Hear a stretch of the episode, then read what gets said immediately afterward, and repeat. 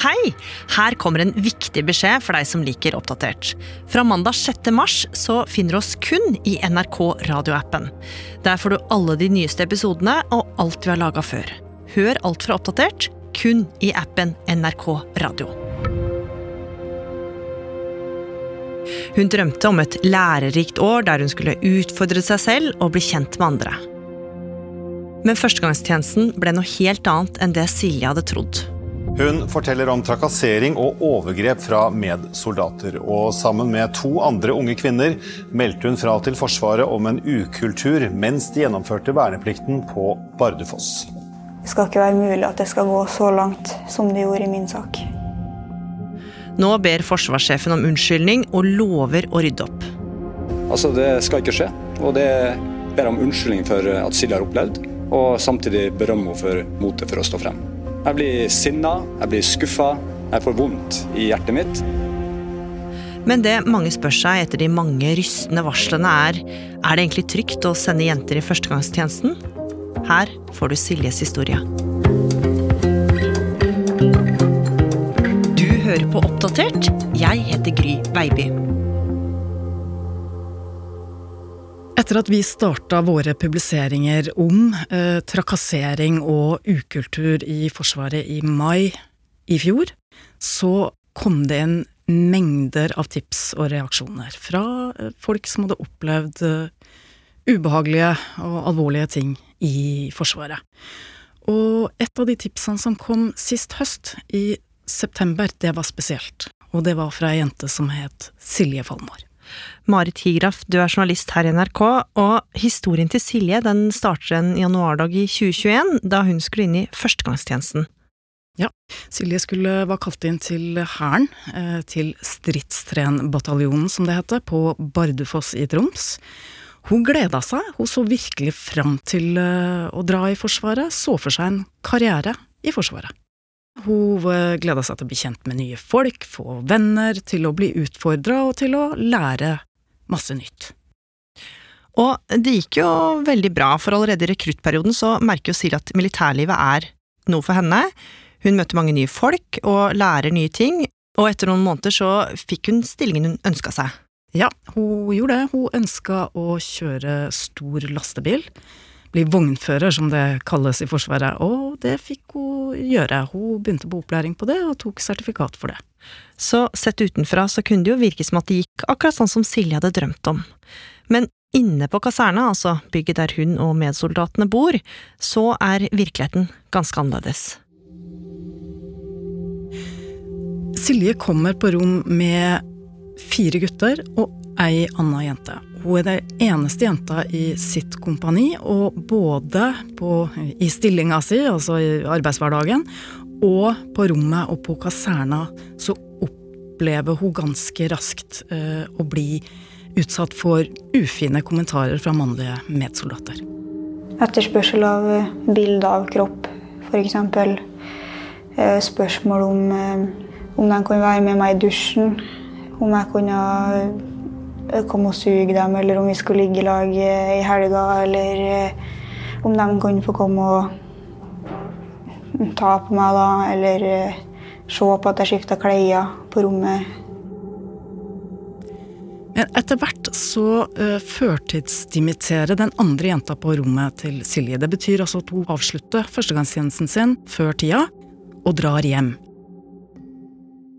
Og fra da så blir eh, hverdagen til Silje at hun bor alene jente på et rom med fire andre gutter. En av romkameratene som ikke var med på trakasseringa av Silje, var vitne til en av hendelsene på nattestid. Han sier flere visste om det som skjedde, men at de ikke ville blande seg inn i det han opplevde som guttastemning. Og det er ikke bare på rommet på kaserna at ting blir vanskelig for Silje, for i lastebilen så har hun fått en mannlig makker, og heller ikke der så føler hun seg trygg. Jeg fikk eh, daglige kommentarer på at eh, jeg ikke var god nok som soldat, eller ikke burde være soldat siden jeg var jente, eller ikke burde bære våpen siden jeg var jente. Ikke var en eh, god vognfører, altså sjåfør, fordi jeg var jente. NRK har vært i kontakt med soldaten som var makkeren til Silje. Han ønsker ikke å kommentere opplysningene og uttalelsene i denne saken.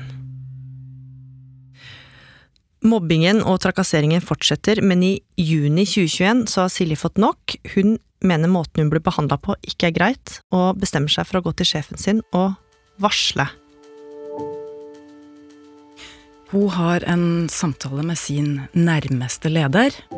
En prat hvor hun forteller åpent om hva som egentlig foregår.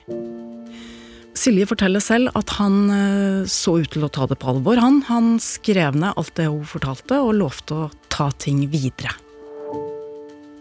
Bataljonssjefen til Silje, Nina Sofie Berg, sier til NRK at Forsvaret ikke bestrider at Silje har levert inn varsler, og sier at de har blitt håndtert i henhold til Forsvarets varslingsrutiner. Silje går ut i sommerferie og tenker at det kommer til å ordne seg når hun kommer tilbake. Men sånn blir det ikke, Marit. Nei, for når hun kommer tilbake etter sommerferien sin, så har eh, ledelsen hennes blitt bytta ut. Nye, hun har fått nye ledere, og de vet ingenting. Mens den seksuelle trakasseringa og mobbinga som Silje eh, opplever, den blir bare verre. Så Silje må varsle på nytt til nye ledere. Og denne gangen så skjer det faktisk noe med varselet. Troppen blir innkalt til et møte hvor den seksuelle trakasseringa blir tatt opp. Men i stedet for å bedre Siljes situasjon, så fører møtet til at hun begynner å føle seg utestengt fra troppen. Og samtidig som livet blir ensomt, så opplever Silje at trakasseringa, den bare fortsetter. Eh, helgen opplevdes som eh, ekstra utrygg.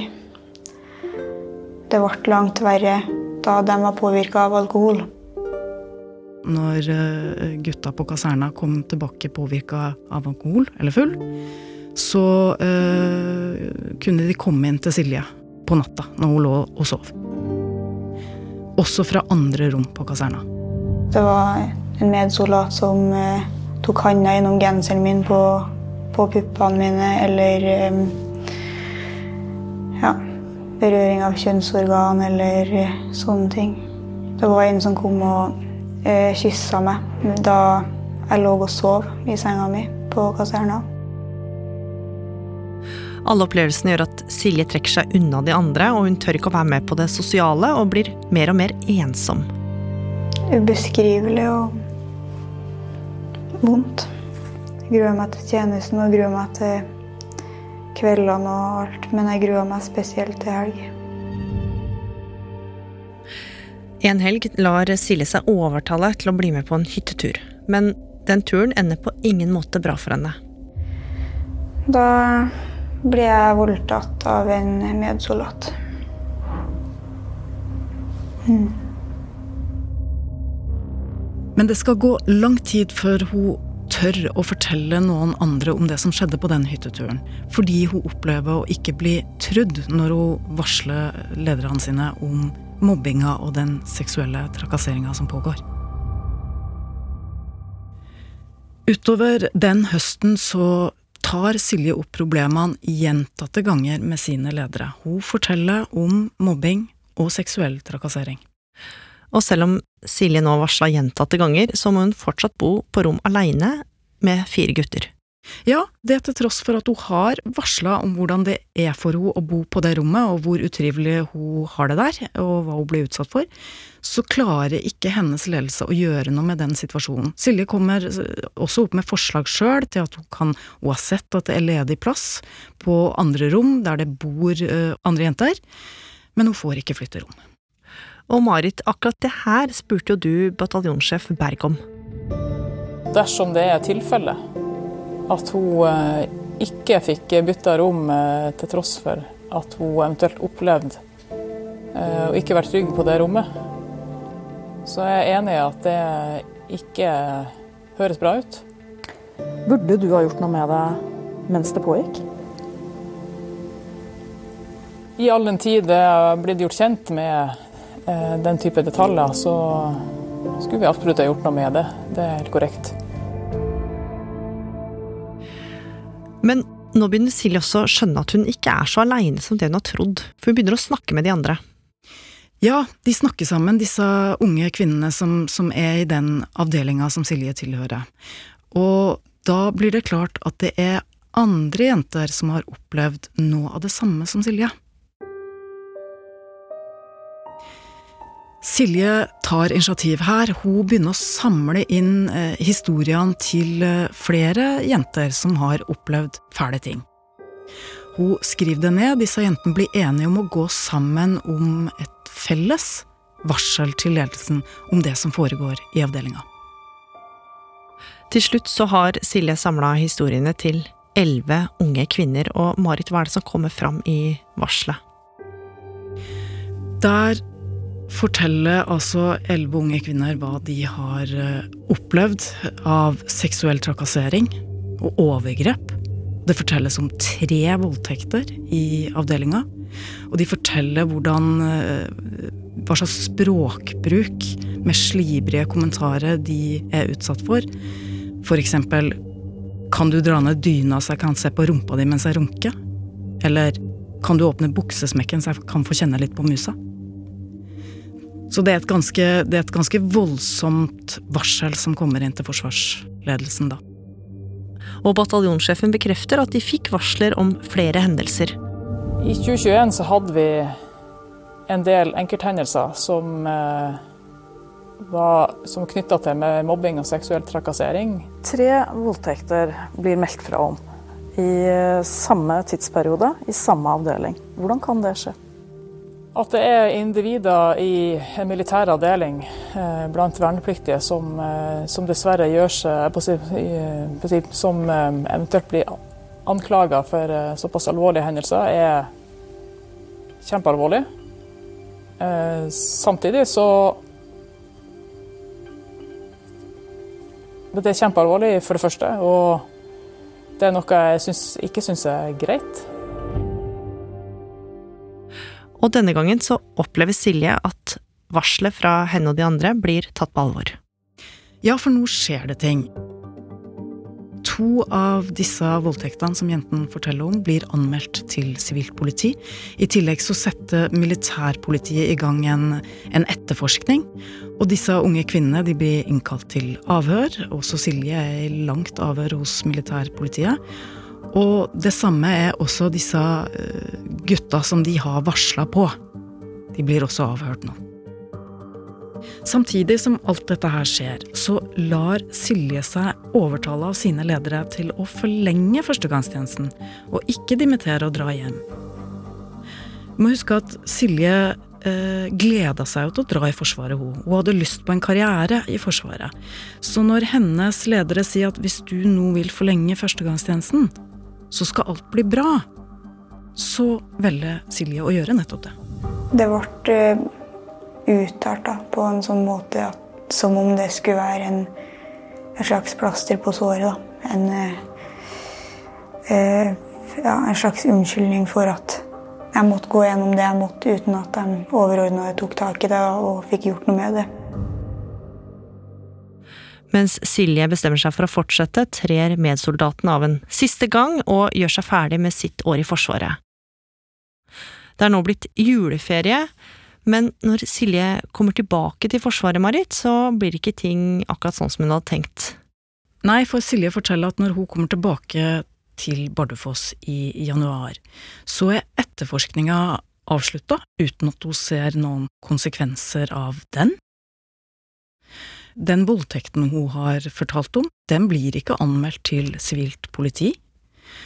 Og hun får det ikke sånn i den daglige tjenesten som hun følte at hun var lova av lederne sine før jul. Hvordan blir hverdagen nå? Hun opplever at hun ikke får eh, gjøre den jobben som hun eh, hadde håpa hun skulle gjøre, kjøre lastebil. Hun får ikke bo på rom med noen andre kvinnelige medsoldater. Hun må bo på et rom med en mannlig medsoldat som var der i hennes opprinnelige kontingent. Og hun opplever å bli isolert og bli gående alene. Og ikke bare det, men nå føler hun seg mobba og frosset ut og trakassert av befalet, altså hennes nærmeste ledere. Og hun opplever det som en, en gjengjeldelse fordi hun har sagt ifra og varsla på dem som hun mener ikke tok varslene hennes alvorlig og gjorde noe med dem i hennes opprinnelige tjeneste. NRK har vært i kontakt med mennene som skal ha stått for trakasseringa og overgrepene som er omtalt i denne episoden. Det er bare én som ønsker å kommentere, og det er mannen som er knytta til voldtekten som Silje meldte fra om. Han sier han ikke kjenner seg igjen i påstandene. Etter at NRK publiserte sakene om Siljes historie, så har det kokt i både sosiale medier og på andre flater. Forsvarssjef Eirik Kristoffersen, som først ikke ønska å kommentere saken, gikk ut i debatten og beklaga overfor Silje. Ja, for det første så må jeg si at uh, å høre historien til Silje gjør jo dypt inntrykk på meg. Det svir langt inn i sjela. Og jeg må berømme Silje også for å være modig og stå frem og fortelle sin historie. Og så er det jo opplagt at det her har jo Forsvaret håndtert dårlig. Etter ett år og fire måneder så var også Silje ferdig i Forsvaret, og det var en tjeneste som ble noe helt annet enn det hun hadde drømt om. Og etter hennes historie, Marit, så er det mange som spør seg om Forsvaret er rigga for å ta imot unge kvinnelige soldater. Ja, det har blitt en av de debattene som går eh, veldig på sosiale medier, og, og det er jo fordi dette her angår oss jo alle, vi som sender ungdommene våre inn til et år som vi håper og tror skal bli fint i Forsvaret. Det er sånn siden 2015 at jenter også har verneplikt og blir kalt inn til førstegangstjeneste. Og da er det klart at eh, da vil vi jo at de skal oppleve å ha det trygt. Og 18- og 19-åringene som blir kalt inn til et år i Forsvaret, de øh, ønsker jo selvfølgelig å vite at de faktisk skal være trygge når de, når de skal avtjene verneplikten sin.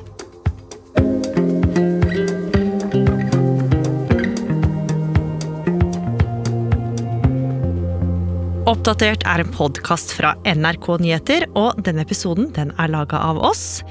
Produsent Lars Hægeland. Teknikk og lyddesign Espen Bjørlo Mellem. Vaktsjef Ina Swann. Og jeg heter Gry Veiby. Programredaktør er Knut Magnus Berge. Klippene du har hørt, er fra NRK. Har du tips eller innspill, så må du gjerne sende oss en e-post. Adressen er oppdatert krøllalfa nrk.no.